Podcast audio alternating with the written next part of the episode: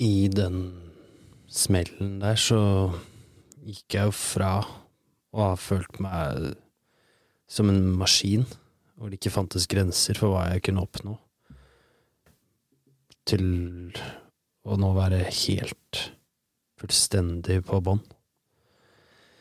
Jeg opplevde jo at hele livet rakna rundt meg, og identiteten min var altså sønderknust.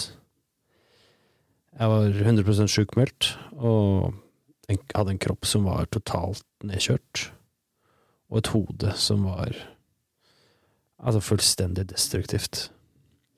Og mestringsstrategien min, som da hadde vært treninga, den var jo Den var borte fordi kroppen responderte negativt på bare den minste belastning. I tillegg så sov jeg jo Altså, de månedene der, fra etter jul, så sov jeg nesten ikke Jeg sov altså så lite. Så selv om jeg var utslitt, så klarte jeg ikke å slappe av. Og det er sånn, hvor, hvor, by, hvor begynner jeg nå? Hvilken ende Hva det var, det var helt uangripelig.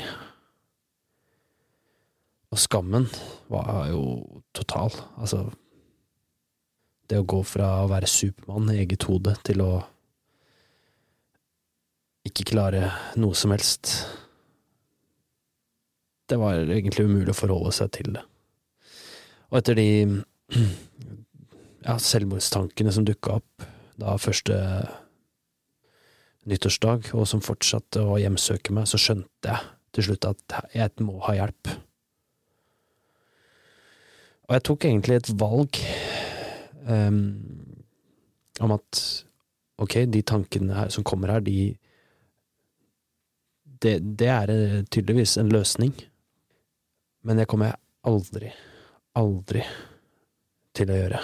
Jeg inngikk, en, inngikk egentlig en pakt med meg sjøl om at det det skal jeg ikke utsette familien min for. Det skal jeg ikke utsette gutta mine for.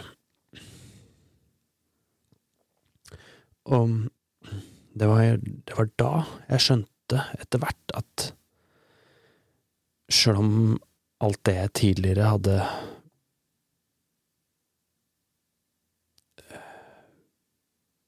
tenkt var det viktigste, da, um, så var det plutselig som jeg skjønte at det viktigste, det, det har jeg jo her fortsatt.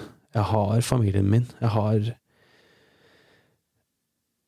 gutta mine, jeg har kona mi, og jeg har familien min og vennene mine ellers. Og de er her. Og de kommer til å være her. Og jeg skjønte etter hvert at de bryr seg ikke om i det hele tatt om hva jeg presterer på de andre arenaene. Det blei plutselig det eneste som betydde noe, og egentlig bare at jeg skulle holde meg i live og ta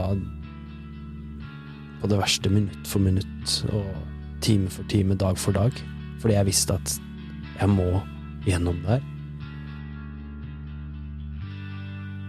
Og det skulle fortsatt gå ganske lang tid før jeg oppsøkte eller fikk hjelp som funka for meg. Og det var da jeg møtte Jon Petter Fagerhaug.